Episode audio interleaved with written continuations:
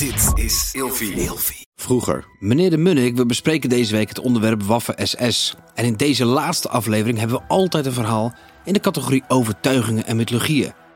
We gaan het hebben over de Arische Ubermensch. Oké, dan mag ik losgaan, hè? Nou, luister.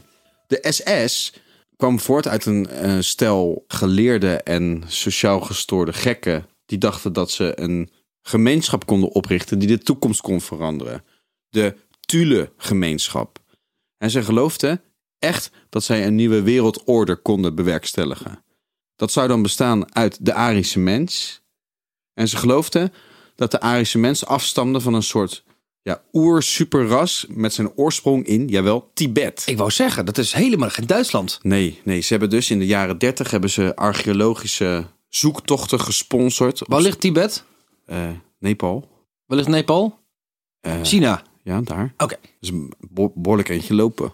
Wat ze dus deden, was ook zoeken naar bijvoorbeeld de Heilige Graal.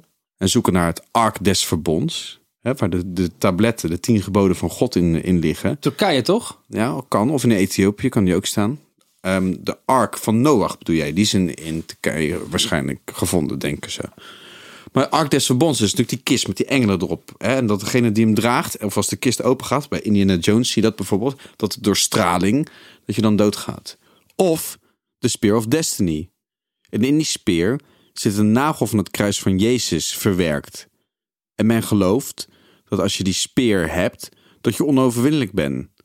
Alexander de Grote heeft hem gehad. En Hitler heeft hem gehad. Maar Hitler is toch dood? Nou, weet je wat dus het verhaal gaat? Dat de SS in een grot die speer is verloren aan Amerikaanse soldaten. En dat en binnen diezelfde week Hitler zelfmoord pleegde in zijn bunker in Berlijn. Mythologie. Fijn weekend. Vroeger.